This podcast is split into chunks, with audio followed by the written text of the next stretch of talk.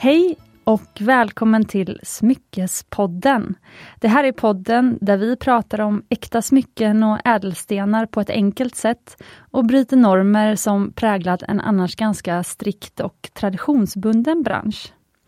Jag heter Cecilia och 2014 så grundade jag ett smyckesmärke som heter Mumbai Stockholm. För bara några veckor sedan så startade jag också den här podden för att väcka intresse och tillsammans med er lyssnare prata om och lära oss mer om äkta smycken och ädelstenar. För jag har saknat ett forum att göra det på.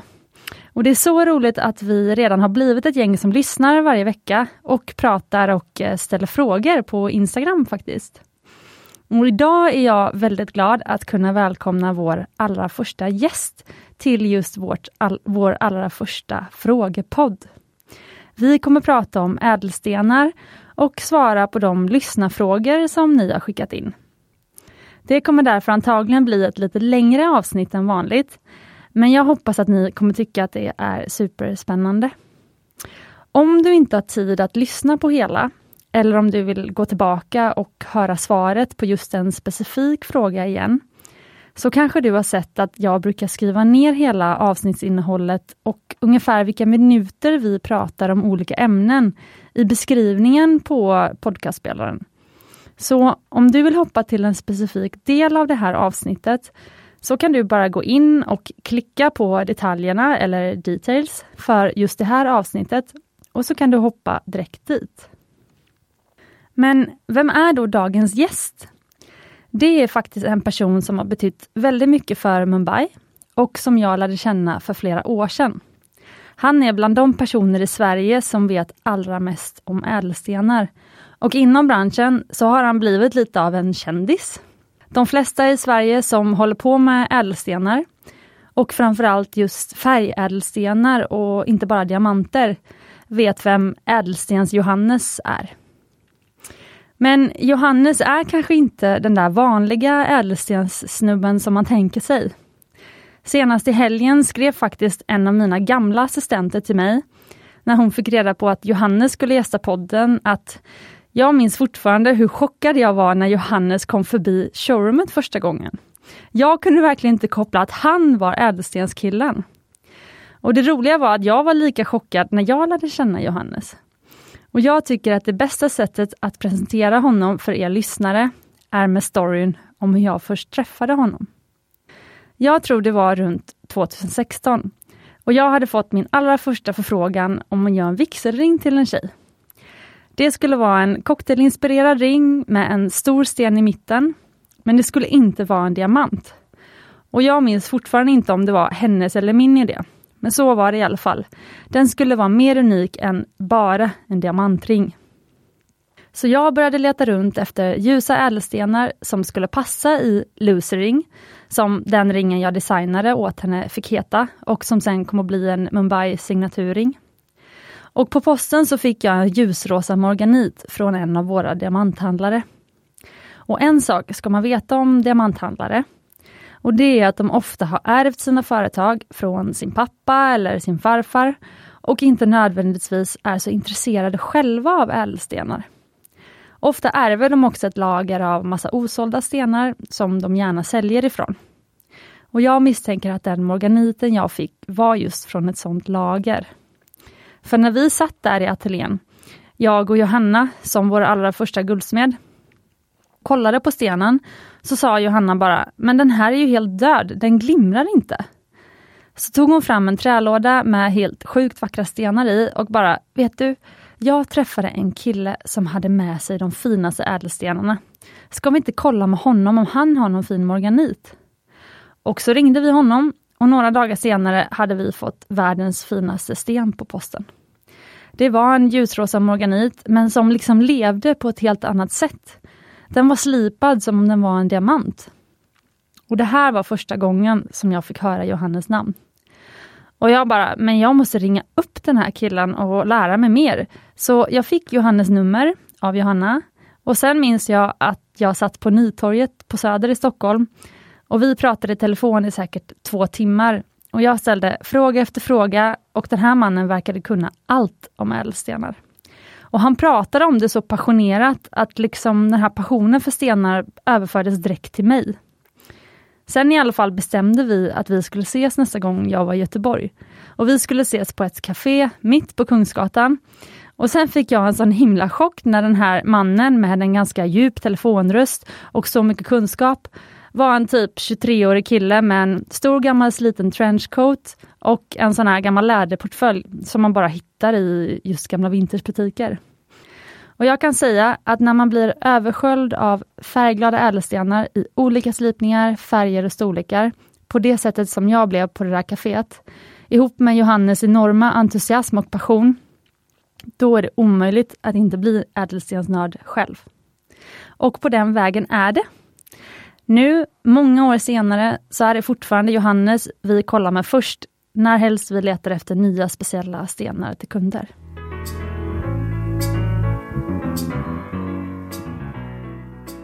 Och det var min lilla korta introduktion till dagens gäst. Varmt välkommen ädelstensexpert Johannes. Tack så mycket. Så sjukt att höra det här. Hur länge sedan var det? Det var fem år sedan. Ja, men jag tror att det var ja, fem, 2016. Jag tror att det var 2016. Mm. Mm. Du får akta dig så att inte det här blir två timmar det också. ja. Eh, ja, men kommer du ihåg, har du samma story som jag? ja, det, det har jag ungefär. men berätta för lyssnarna, vem är du? Ja, jag är den här nörden som man träffade i skolan och som höll på med någon, någon udda grej. Och jag tror att det var redan när jag var sex eller sju år som jag fick de första små, små kristallerna i någon julklapp från pappa och mamma i en liten, någon sån här liten ametistkristall, bergkristall i en, i en liten ask som, ja men det är många sexåringar liksom tycker att det är kul med kristaller. Så, så de tyckte väl att det var en bra idé. Jag öppnade den här asken och blev, blev rätt så förtrollad och sa, började spendera mina godispengar på att åka in till Stockholm och gå till Kristallrummet, som en butik heter i Gamla stan och köpa små kristaller. Tills jag några år senare upptäckte att det går att, kanske vid 8-9, att det går att åka till gruvor. Det finns gamla gruvor runt om i Sverige där man kan hitta små, små kristaller och hacka. Så jag började tvinga ut pappa till de här, köra mig till de här gruvorna. Och liksom, lite, längre, lite längre bort för varje helg typ. Och på den vägen var det och sen började, och sen var det någon gång, jag tror att det var kanske vid 12 års ålder och sånt, jag bodde i Strängnäs utanför Stockholm. Och eh, jag hade hittat, de höll på att bygga en väg så jag cyklade bort till ett vägbygge. Och tänkte, här, vad kan man hitta här? kanske finns några kulstenar. Och grävde lite grann och efter att ha cyklat dit några gånger efter skolan så hittade jag ett, ett hålrum med små kristaller i. Där det var inte bara de vanliga små minibergkristallerna och sådär som man, som man relativt ofta kan hitta. Utan också en orange liten fotbollsformad kristall som var kristallklar. Den var kanske bara 2 mm, 2-3 mm. Men den var, den var så vacker och det var bara en enda liten kristall i det här hålrummet av annars vita kristaller. Och då tänkte jag, vad, vad är det här för någonting? Jag har aldrig sett något liknande förut. Och tänkte att det här måste ju vara någon slags ädelsten. Och insåg att det här, kollade runt lite grann och det här visade sig vara en, eh, en mandaringranat, så kallad spessartit. Eh, som mycket riktigt var en ädelsten, den var lite för liten för att slipa såklart. Men, men det, det väckte mitt intresse för ädelstenar. Så jag började gå över ifrån att leta mineral till att läsa allt jag kunde komma över på internetforum och hittade en, en helt ny värld. Så mm, Eh, det här är min första eh, gäst jag har i podden och jag, alla som har haft en normal konversation med mig utanför poddar vet att jag skulle ställa tusen frågor om allt du just sa. Nu får jag försöka hålla mig till ämnet. Eh, men först då, wow! Och vad är det som är skillnaden mellan Eh, mellan de här kristallerna och ädelstenarna? För det lät som att du först var intresserad av mineraler och kristaller och sen ädelstenar. Mm. Skillnaden är inte stor egentligen utan det, det handlar om att man klassifikationen på vad en ädelsten är, är väldigt flytande. Det, handlar, det ska vara något sällsynt, vackert och hårt och även de här vita kristallerna som jag hade hittat redan tidigare. Eh, de flesta av dem är bergkristaller, även de klassas egentligen som en ädelsten. Det är bara att de är så pass halvvanliga så att det är lite tråkigt. Man, man, låter, lite, man låter lite pretentiös om man säger att det är en ädelsten. Liksom. Jag förstår. Okej, du var ju som sagt med när vi på Mumbai var ett så litet och nytt bolag att vi fortfarande inte kunde betala våra fakturor i tid. Eh, och det kanske du minns? Och då var du bara... Ja, det, det har jag nog förträngt faktiskt. ja, vad bra. Eh, och då var du bara 23 år och nu är du typ 28, eller? Ja, det stämmer. Eh, men berätta om din resa med företaget och det som ändå har blivit ditt jobb nu. Hur, mm. hur startade det? Det är, lite en, det är en, en intressant resa i bemärkelsen att det, är lite, det, det var lite av en, av en strid strid med, med sig själv. Det var nämligen så att, som du nämnde i början, är de flesta som håller på med stenar är folk som har ärvt ofta. Och eh, ofta så är det inte eh, folk som håller på endast med de här färgade ädelstenarna, det vill säga safir, rubin, smaragd och annat med färg, utan det är ofta eh, diamanthandlare som ger färgstenar i princip som en service. För, bara för att ha allt liksom.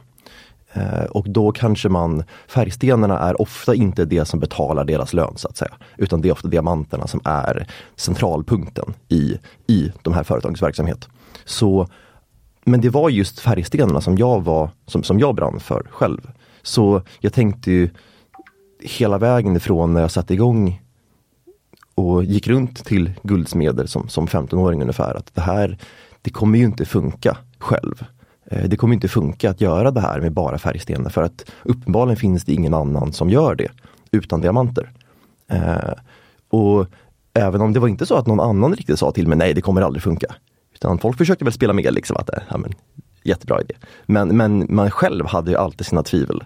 Och jag var, jag var så pass osäker även om jag tyckte att det här var det roligaste jag visste så, men man har ju viss självinsikt och vet, man vet om att man är 15. Liksom. Det, det man tycker är kul nu är ju inte det man tycker är kul när man är 30. Liksom. Så, så jag gick eh, Chalmers och är civilingenjör och liksom tänkte att nej men det, jag kan inte hålla på med liksom, mitt intresse hela livet. Det kommer ju, ja, men som man tänker, det, det, kommer ju bli, det kommer bli tråkigt när man börjar jobba med det, ditt och datt. Man, liksom, man, man tänker aldrig själv att man kan ju hitta sitt framtida drömyrke när man är liksom 20 eller 25 men, men inte när man är 13. Liksom. Då kan det inte vara det man ska hålla på med. Så, nej men så, så jag hade, tvivlet fanns ju alltid där. Men när jag höll på med mitt masterarbete i, på Chalmers, i sista grejen för att bli då, eh, kunna bli forskare och doktorand i, i kemifysik. Eh, så tänkte jag, men det här, det här är inte lika roligt.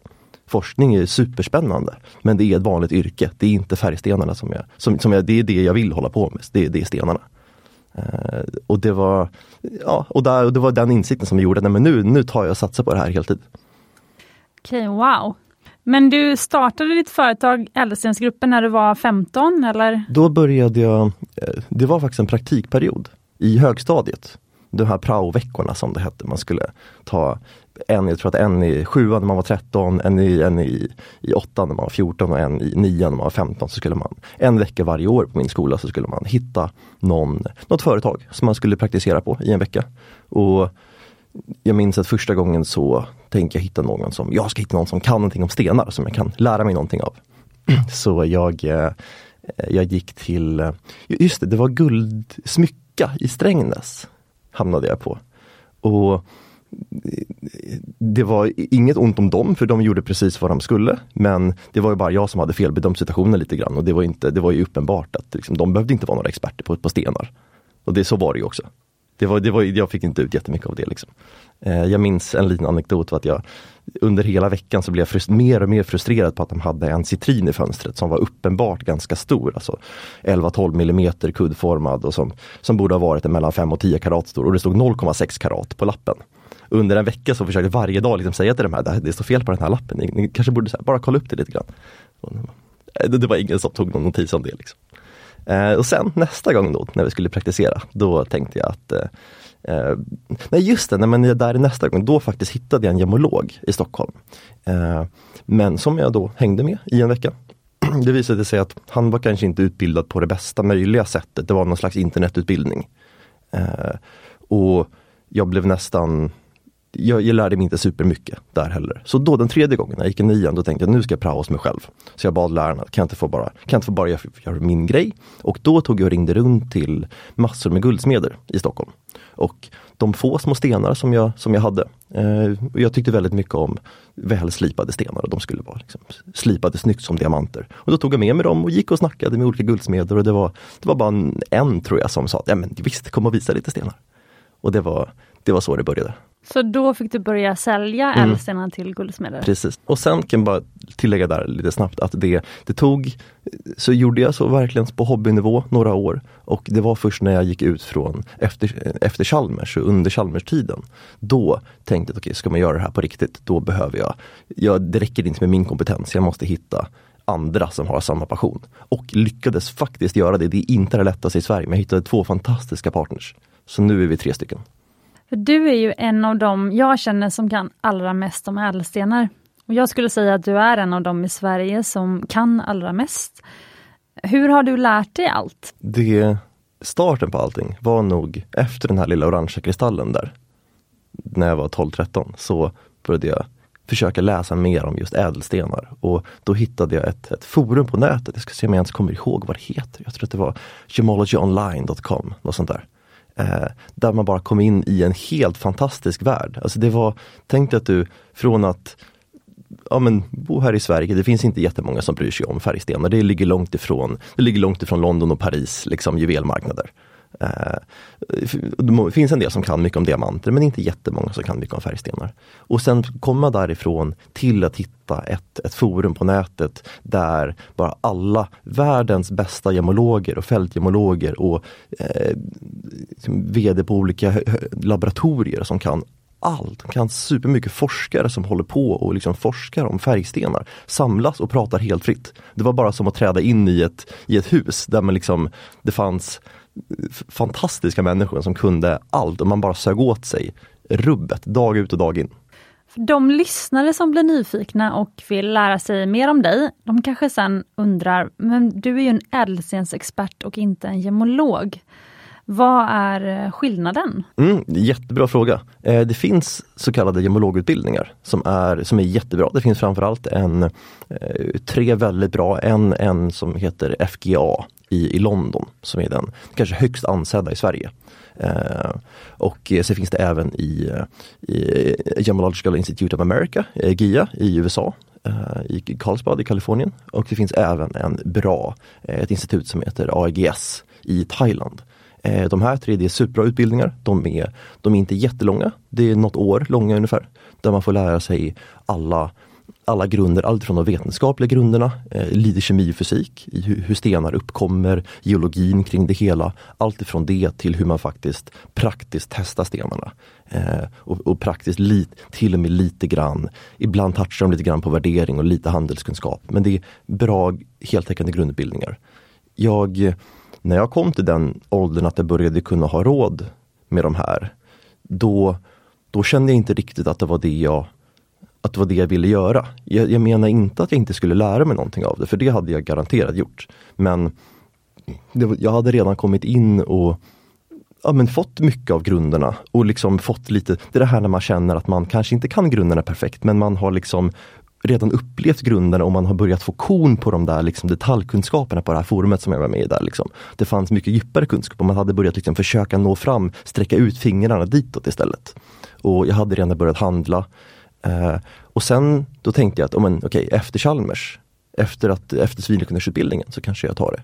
Men under utbildningen så fokuserade jag i, jag tog min master i materialfysik, i kemi och fysik och fokuserade också på kristaller.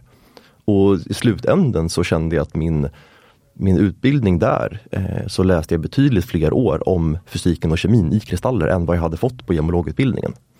Eh, så jag känner fortfarande att jag skulle absolut i framtiden vilja, vilja ta en gemologutbildning för att kunna visa det här certifikatet och säkert lära mig mer om någonting.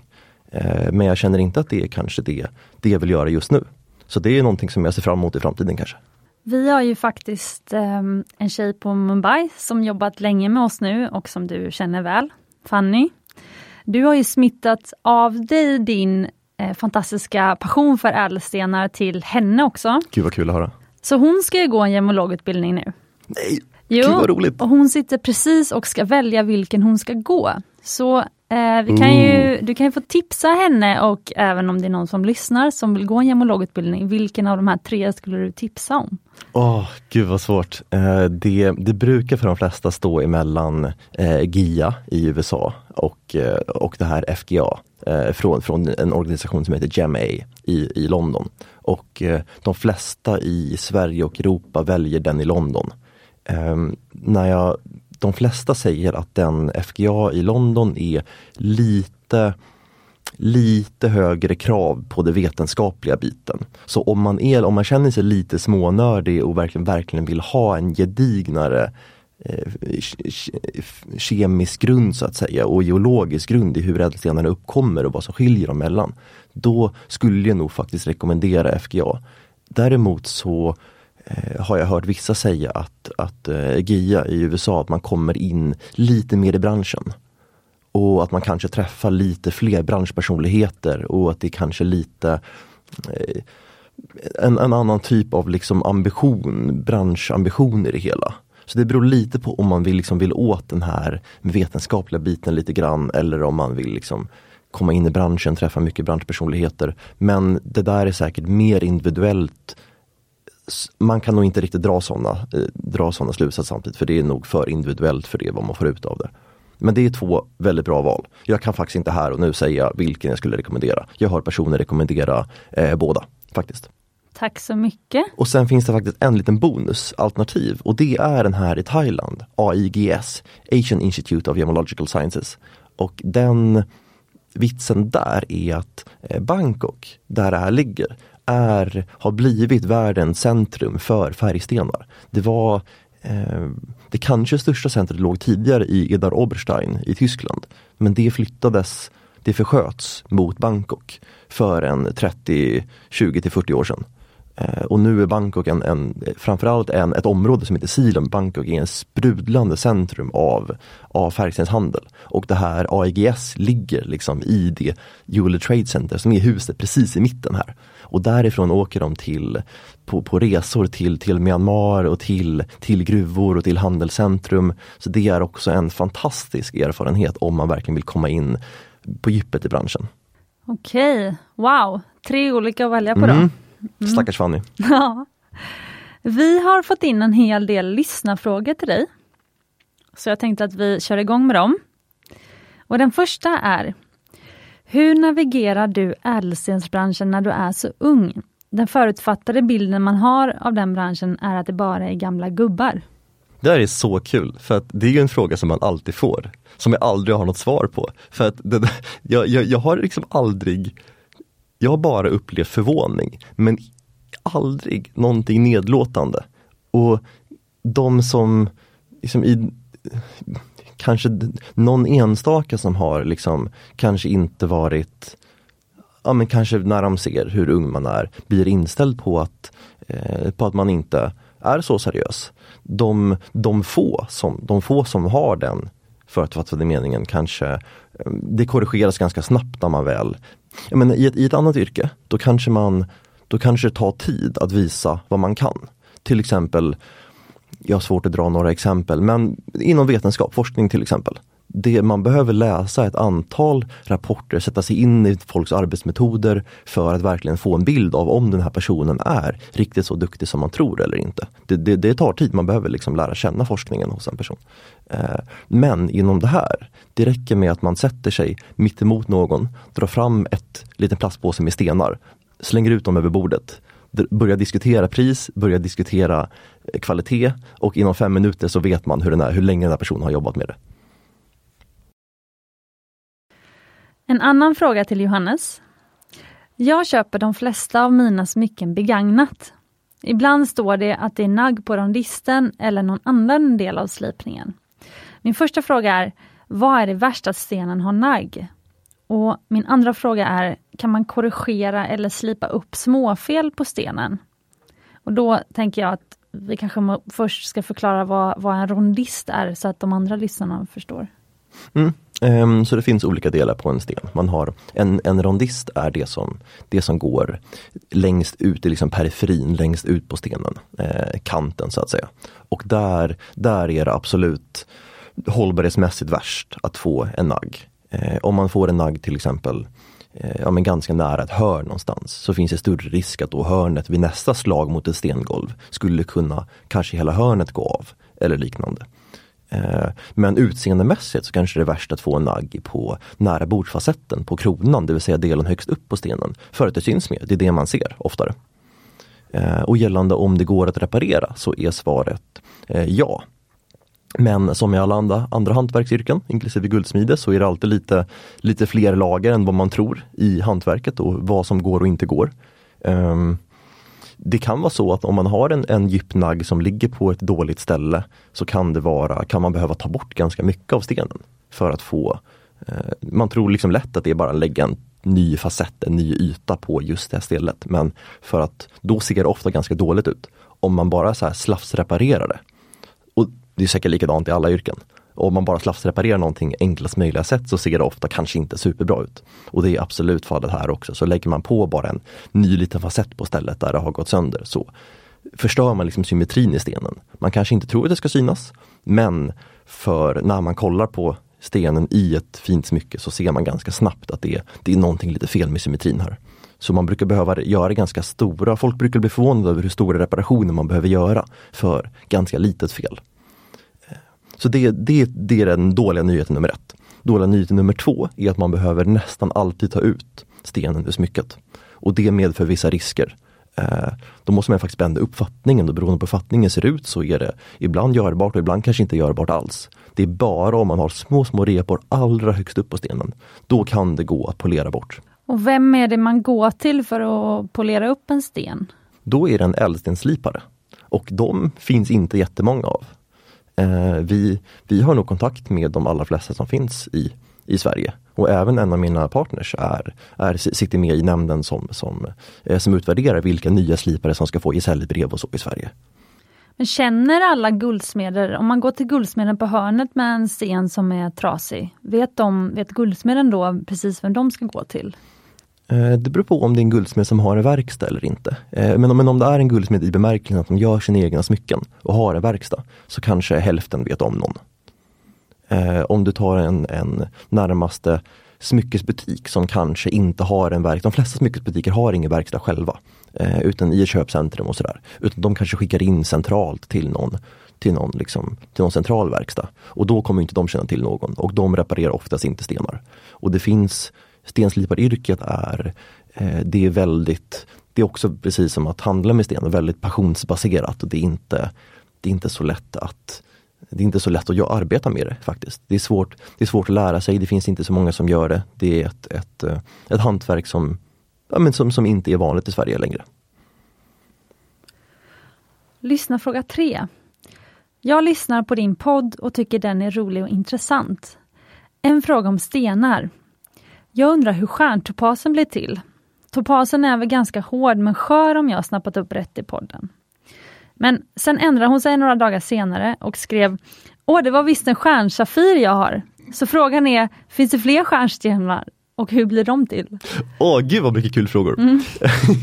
det, det var innan du innan det här lilla tillägget där så hade det varit ett väldigt kul svar så att jag kan, kan gå dit också. Men stjärnsafiren, absolut, det är det. Stjärnsafir är den vanligaste typen av, av stjärnsten, så att säga. Det är en, en ädelsten där det faktiskt blir orenheter i stenen som gör att man får en häftig effekt. Och det här med orenheter, nu ska jag inte nu finns det risk att få det här två timmars samtalet igen. För om jag skulle dyka in i hur mycket coolt som orenheter kan, kan bildas i stenen. Det är alltså en, alla ädelstenar får sina färger, nästan alla får sina färger av mikroskopiska orenheter inne i stenen. Så en Safir som är helt kemiskt ren är faktiskt vit. Och det är föroreningar på atomnivå som gör att den blir blå. Och, eller andra färger till exempel. Men om vi har föroreningar eller inneslutningar i det här fallet, det vill säga andra material liksom, eller sprickor och så inne i stenen som inte är på atomnivå utan faktiskt är synliga för ögat. I det här fallet ett, ett annat stenmaterial eh, som är helt annan sak än Safir, en, en annan kristall så att säga som brukar bildas i väldigt lång, långsmala kristaller. Alltså så långsmala att man knappt ser bredden på dem. Det är tunna, tunna nålar. Och när de här långa nålarna bildas in i safirkristaller. Eh, det, det, är ett mineral, en stensort som kallas rutil.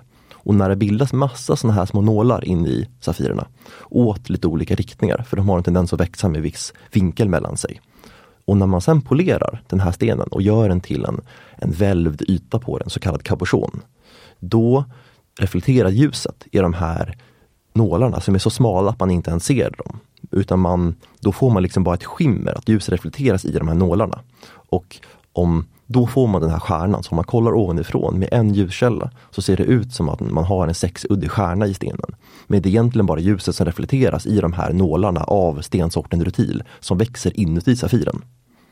Så det är väldigt häftig effekt som då kommer av de här, så att säga, föroreningarna in i Safiren. Och man kan ha på samma sätt även i andra stenar. Det här stensorten rutil kan finnas även i andra stensorter. Eh, jag har inte sett det i topas, men det kan mycket väl finnas i topas. Eh, man kan ha det i, i rosenkvarts, man kan ha det i, man kan ha det i spinell och lite andra stensorter. Jag har faktiskt, det finns i, i ehm, på några ställen i Myanmar, i Burma, så finns det eh, topaser som har inte inte kanske just rutil, men som har små järn, alltså så rost, rostfärgade, nästan så här gyllen, gyllengula, tunna tunna rör som nästan ser ut som rutilnålar. Men det är faktiskt tunna tunna hålrum där har kommit in lite järnoxid, det vill säga rost i. Och där kan man, jag skulle kunna tänka, jag har inte sett det, men jag skulle kunna tänka mig att de kan ge samma effekt som de här rutilnålarna. Och kanske ge stjärnor även i topas. Fråga 4. Vilken ädelsten är din favorit? Sten och slipning. Och varför? Och det, det, det är jobbigt att man alltid får den där frågan, den är alltid lika jobbig att svara på. Um, jag skulle vilja säga att min, min, min favorit, man får ju lite olika svar som, som nörd och som, och som liksom eh, branschspecialist. Som, som nörd, den nörden inom mig, den vill säga den vill säga klinohumit. Det låter som ett diskmedel. Det, mm, det är faktiskt en, en orange kristall som hittas, precis som den här som jag hittade när jag var, när jag var yngre. Men ofta, men ännu lite finare kanske. Det hittas på, bara på en, en bergstopp i, i Pamirbergen i Tadzjikistan. Eh, jag tror att det är ungefär 4000 meter upp så hit, har man gjort lite tunnlar. Och det är alltså man har känt till den här i, i flera tusen år så vitt jag förstår. Och så de, här de äldsta tunnlarna är väldigt gamla. Och man hittar dem tillsammans med naturlig rosa spinell. Så det är liksom djupa tunnlar långt in i berget i det här höga bergstoppen på, i Pamirbergen. Där man hittar rosa spinellkristaller och neonorangea kristaller av den här sällsynta stenen som heter klinohumit. Så det, och det, hela den liksom känslan, storyn, den kan jag inte, den är, den är för magisk. Jag kan inte liksom säga att det inte är min favoritsten. Uh, ja men jag får, nog, jag får nog stå fast vid det som svar faktiskt. Okej. Okay. Om man som kund insisterar på att använda en egen sten i sin ring, vilka överväganden bör man göra vid av, vid, vid val av ringfattning? Har själv precis införskaffat en tanzanit och klurar på vad jag borde göra. Och här syftar hon nog på förra avsnittet, där jag rekommenderade att man helst inte ska ta ur en sten ur en gammal fattning, för det är stor risk att den har gömda inneslutningar eller flisor under klorna som man först ser när man tagit ur stenen ur sin fattning. Och då är risken stor att stenen går sönder när man ska fatta in den igen. Mm, jättebra fråga, både det generella och, eh, och specifikt exempel med tanzaniten där. Um, om vi börjar med det generella så att välja fattning är Grunden ligger i att känna till hur, hur hållbarheten och så ser ut på stenen. Eh, och det, ja, det, det, och det är det absolut viktigaste. Och Det är någonting som guldsmeder tror jag vänjer sig efter ett tag, kanske den hårda vägen. De lyckas man tar alltid sönder några stenar. När man lär sig infattning i början så jag tror att alla, alla som infattar ädelstenar har historier när de, i början att de har tagit sönder några ädelstenar. Så man, man lär sig den hårda vägen, vad som är hållbart och inte och vilka fattningar som går på olika stenar. Um, och sen blir man alltid skickligare och skickligare som stenfattare. Så det där valet med just infattning för olika stenar, där jag tror att det, det är infattarens jobb och erfarenhet som, som kommer i dagen där. Eh, jag som just specialiserar mig på stenarna kan ju kanske ge lite generella råd så som att man kanske inte ska stenar som är lite skörare, så som du nämner tanzanit och även ja, men lite stenar som har, kan spalta sig och, och som topas. Eh, kanske man inte ska infatta med små klor i jättespetsiga hörn till exempel, utan försöka skydda, eh, försöka skydda hörn och spetsar lite mer. Eh, så att man kanske har ganska skyddande infattningar på, på hörn i lite skörare stenar. Eh, om vi går in på det specifika, tanzaniten där, så är det, det är helt rätt som Cecilia säger. Eh, det, är, det, det, kan, det kan gömma sig både inneslutningar och som gömda frakturer och skador eh, under klor och sen för att ta bort klor så ibland så sitter klorna ganska ganska, ganska fast. Liksom ibland så är klorna ganska, ganska stabila och inte bara så att man kan lätt bända upp dem. Utan man behöver en del redskap. Och då stenar som är lite skörare eh, det vill säga inte Safir utan tanzanit och peridoter och, och lite mjukare stenar. Eh, får man göra en bedömning hur stor risk är man villig att ta. Eh, säg att det finns en viss risk att en, en tanzanit går sönder om man tar ut den ur ring. Eh, det är svårt att säga vilken, hur stor risken är men baserat på vilken form det är på stenen, hur tunn, hur tunn rondist man har på stenen, hur vassa hörn det är, om det finns gömda skador under, eh, under klorna. Någonstans mellan kanske några procent upp till kanske i värsta fall så kanske 50 procents risk att stenen går sönder. Eh, och då får man göra sådana överväganden och det kanske ibland inte är värt det. Sen en sak till, det här, just det här med egna stenar, och göra smycken av egna stenar. Eh, det är även vi stenexperter går bet ibland och lyckas få tag på stenar som kanske inte, som kanske inte är exakt vad de ska vara. Så det är en, en del av att vara stenspecialist och, och handla med stenar är att det gäller att noga kontrollera det nya kontakter, nya inköp, råstenspartier. Göra, göra stickprovskontroller och så fort man känner någonting i magen, det här kanske inte är helt rätt. Ha tät, ha tät kontakt med laboratorier och hela tiden vara på, var på tårna och hela tiden kontrollera. Och som lekman så är det där ännu svårare. Det är jätte, jättelätt att, att missa någonting och köpa in en sten som kanske även guldsmeden Eh, och exempelvis om det är på en lite billigare smycken utomlands som man köper på semestern exempelvis. Eh, att man kanske missar någonting som man borde ha, ha tänkt på vad gäller också behandlingar. Eh, det bästa exemplet är på det här forumet som jag nämnde precis i början, Gemology online, där jag hängde när jag var, när jag var lite yngre. Där det, var, det hände alltså flera gånger i veckan att det var nya inlägg från nya användare som hade vars eh, Ofta så var det eh, kvinnor som vars man hade varit i USA, nej förlåt, eh, amerikan, amerikaner som hade varit i Afghanistan och varit i Afghanistan av, på grund av kriget i Afghanistan. Eh, och hade tagit med sig rubiner hem. Och de här rubinerna var, man hittar rubiner i Afghanistan, men de här rubinerna från marknaden i Afghanistan var oftast inte från Afghanistan. Utan det var ofta rubiner ifrån eh, Mosambik som hade först gått till Thailand för att bli glasfylld, vars sprickor fyllda med glas. Så det var alltså riktigt dålig kvalitet av rubiner från Mosambik som hade kommit till, och Madagaskar som hade kommit till Thailand. Där hade de fyllts med glas så att sprickorna blir nästan osynliga. Så att stenen ser lite bättre ut. Och därifrån hade det letat sig till Afghanistan där det såldes på marknaderna som afghanska naturliga rubiner. Så det är väl, och det där rimligtvis är det, alltså även en handlare skulle ha behövt vara på tårna för att se det där.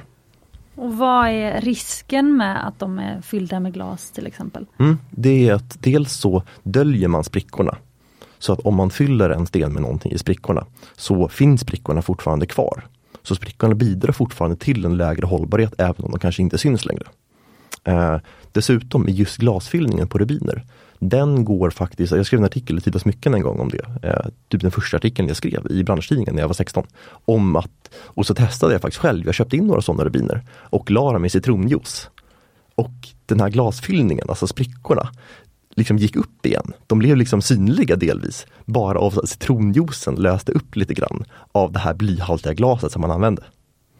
För även jag har ju gått bet utomlands med stenar. Jag åkte till Sri Lanka för några år sedan och då vill man ju verkligen gå till den här Berwala Gem Market och köpa en liksom, sten till sig själv. Men, och jag var så himla nöjd. Jag dealade och wheelade och köpte med mig hem en jättefin rodelitgranat. Och eh, sen skulle ni testa den när jag kom hem och den var ju såklart syntetisk. Väldigt lätt hänt. Det är, ja, det, det, det händer det bästa. Det händer det bästa så att säga. Sen har jag en fråga angående faktiskt just tanzanit. För att vi har, av, av alla de som mejlar oss och säger att de har en egen sten och vill sätta den i en ring, då är det väldigt många som har en tanzanit. Varför är det så? Det är en fråga som, som länkar ganska djupt in i branschen. Det, det har att göra med hur, hur man marknadsför tanzanit det, det har alltid varit en lite speciell sten. För många andra stenar, Safir till exempel, bryts på många ställen. Det bryts ganska, ofta ganska småskaligt eh, på många platser i världen. Tanzanit däremot, den bryts nästan bara på ett ställe i världen. Det, det är nära några gruvor nära Arusha i, i norra Tanzania. Eh, och av eh, framförallt lite större företag. Eh, det gör att man får en helt annan kontroll på, på, på liksom utflödet av tanzanit och kan marknadsföra det mycket lättare. Och just att det bryts på en plats framförallt gör att det har varit lätt för de här företagen att marknadsföra det som är väldigt sällsynt sten. Så det finns många, det finns många listor över världens sällsyntaste topp 10 ädelstenar där tanzanit finns med. Vilket är helt fel. För det finns, det är en, inte vanlig, men relativt vanlig. Det finns ganska mycket av, av tanzaniter. Eh, och det är lätt att luras med av det här av att det bara kommer från en plats. Och företagen som säljer tanzaniter, de har alltid haft en, senaste liksom 40 åren har de alltid sagt att om 10 år så kommer det vara slut på de här gruvorna. Men det händer liksom aldrig riktigt. Och strategi, försäljningsstrategin på tanzaniter är inte från alla företag, men, men relativt många. Framförallt Eh, det är många kryssningsfartyg i, runt USA där Tanzania säljs till ganska dyra priser med kanske lite svagt missledande retorik. Att det snart kommer ta slut och så vidare och bra investeringar och liknande. Eh, och det, och det är liksom det är lätt att, göra, det är lätt att ha sån det, Tanzanit har liksom kommit att bli lite grann den här, den här köp, köpa en värdefull investering på semestern stenen. Och det är lite svårt för konsumenter att, att liksom se, se bakom det här. För att det är en sällsynt sten, det går liksom inte riktigt att få det, det, är väldigt, det är väldigt trovärdigt för att den hittas bara på en plats. Och det, det, är svårt att liksom, det är svårt att avslöja och det är inte ens, det har visst värde, alltså det är en relativt värdefull ädelsten men de säljs till lite för höga priser och de säljs väldigt ofta direkt ifrån större företag, direkt till konsument. Det är ganska många gånger det inte går liksom via duktiga guldsmeder. Utan det är ganska stora företag som gör stora mängder av ringar, ibland med lite lägre kvalitet, ibland med hög kvalitet. Så Det är lite den här semester, köpa in på semesterstenen. Vad är hårdheten på en tanzanit? Lyssnarna har ju lärt sig att mm. titta bland annat på hårdhetsskalan nu för att se hållbarhet. Mm. Och den, är, den är lite lägre än vad man skulle, den är 6,5 till 7. Eh, lite ungefär som, som, som peridot och som några andra. De, de går att använda i smycken men man behöver vara lite försiktig. Eh, man kan inte, om man skulle ha en tanzanit på sig i en relativt oskyddande fattning, så skulle jag kanske inte rekommendera att ha den varje dag. Utan mer till kanske festliga tillfällen. Eh, och det kanske inte alltid man får den informationen som konsument. Från företagen man köper den ifrån. Hur ser du på framtiden för ädelstenar? Är det någon typ av ädelsten du tror kommer bli poppis? Någon som kommer gå ur mode och så vidare?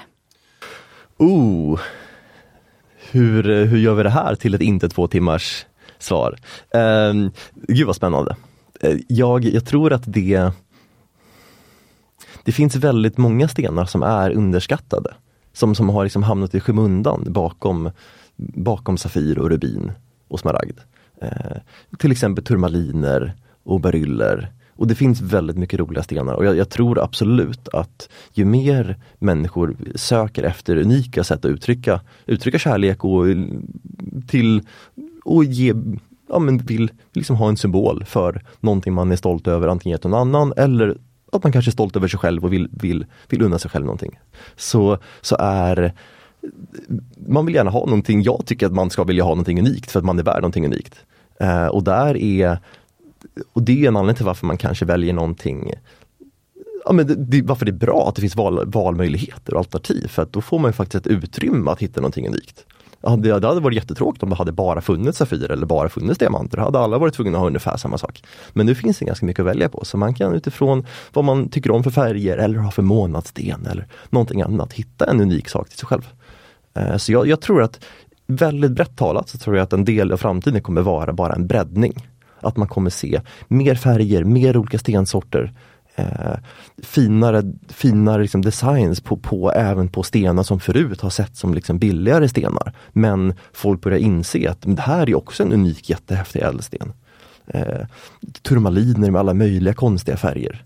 Eh, har, för, var för 20 år sedan och 30 år sedan relativt billiga men nu börjar man inse att det här är ju Tänk att de här färgerna finns i naturen, det är hur häftigt som helst och de är tillräckligt hårda för att ha i smycken. Eh, så jag tror att det kommer breddas, jag tror att det, det är det är en stor trend. Det känns ju väldigt tryggt för framtiden av den här podden också eftersom att om eh, marknaden för ädelstenar ska breddas så behövs det också breddas en kunskap bland alla som gillar ädelstenar. Absolut. För att kunna välja den som passar en själv, inte bara för utseendet men också för hållbarhet och hur man ska bära den och i vilken typ av smycke och så vidare. Verkligen. Jag har en fråga som jag skulle vilja ställa som sista fråga. Och det är faktiskt vilken ädelsten som du kanske tycker är den mest underskattade Alltså av de som man liksom generellt ser i smycken nu. Mm. Mm, hmm. Jag skulle nog, här kommer det bli ett lite otippat svar. Ehm, de flesta de flesta stenspecialister skulle nog svara eh, spinell eller olika typer av granat. Eh, granat är fortfarande ganska lite billigare än vad den borde vara. De gnistrar supervackert eh, och är ganska, är relativt sega och hårda stenar. De håller ganska bra. Och framförallt det finns ljus pastellgröna mintgranater som jag vet att det var en av våra första stenar som du använde tror jag, en jättevacker mintgranat. Eh, och, de gnistrar supervackert och är fortfarande inte superhöga i pris. Eh, och samma sak med, med spinell. De är även spineller som är de kan vara supervackert, liksom grå, stålaktigt blå, stålaktigt lila och väldigt häftiga färger. Eh, och fortfarande inte i närheten av Safir i pris. Men mitt svar blir nog inte någon av dem, utan faktiskt vissa färger på Safir.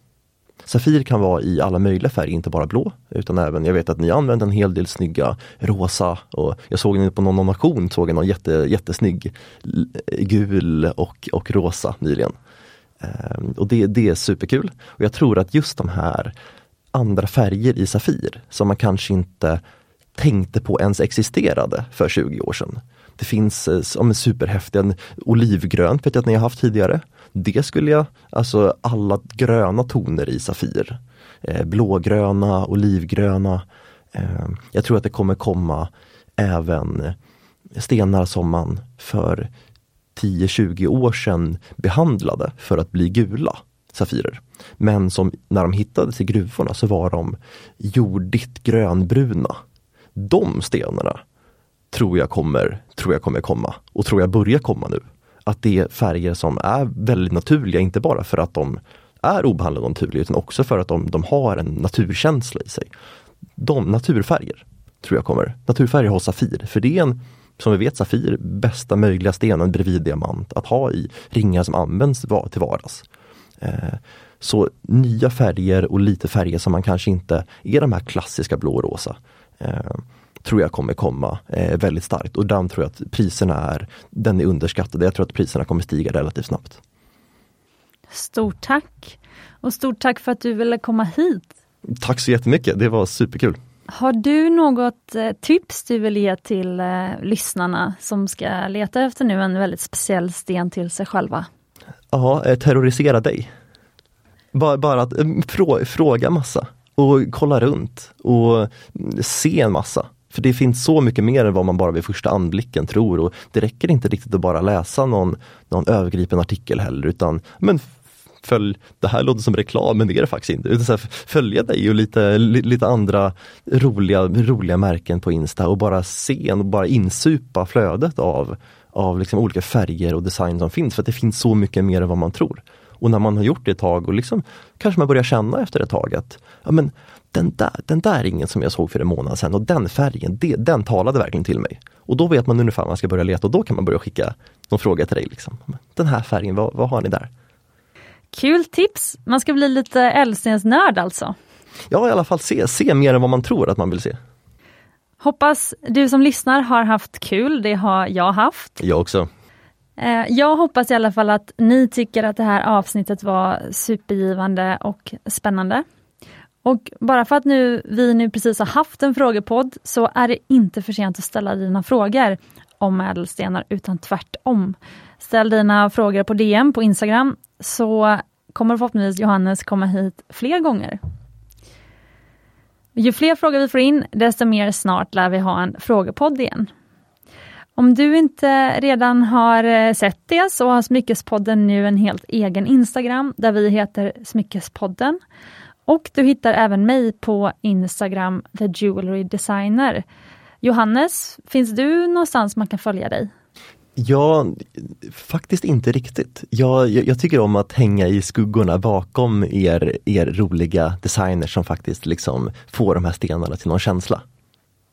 Så, så följ, följ, följ Cecilia istället. Följ Smyckespodden. Absolut, vi, framför allt. Ja, precis, för nu har du ju ett forum mm, kanske. Mm. Vem vet. Mm. Eh, om du har förslag på ämnen att ta upp i podden som kanske inte bara heller är ädelstenar, så skriv även gärna dem i DM på Instagram. Och glöm inte, du är värd äkta smycken.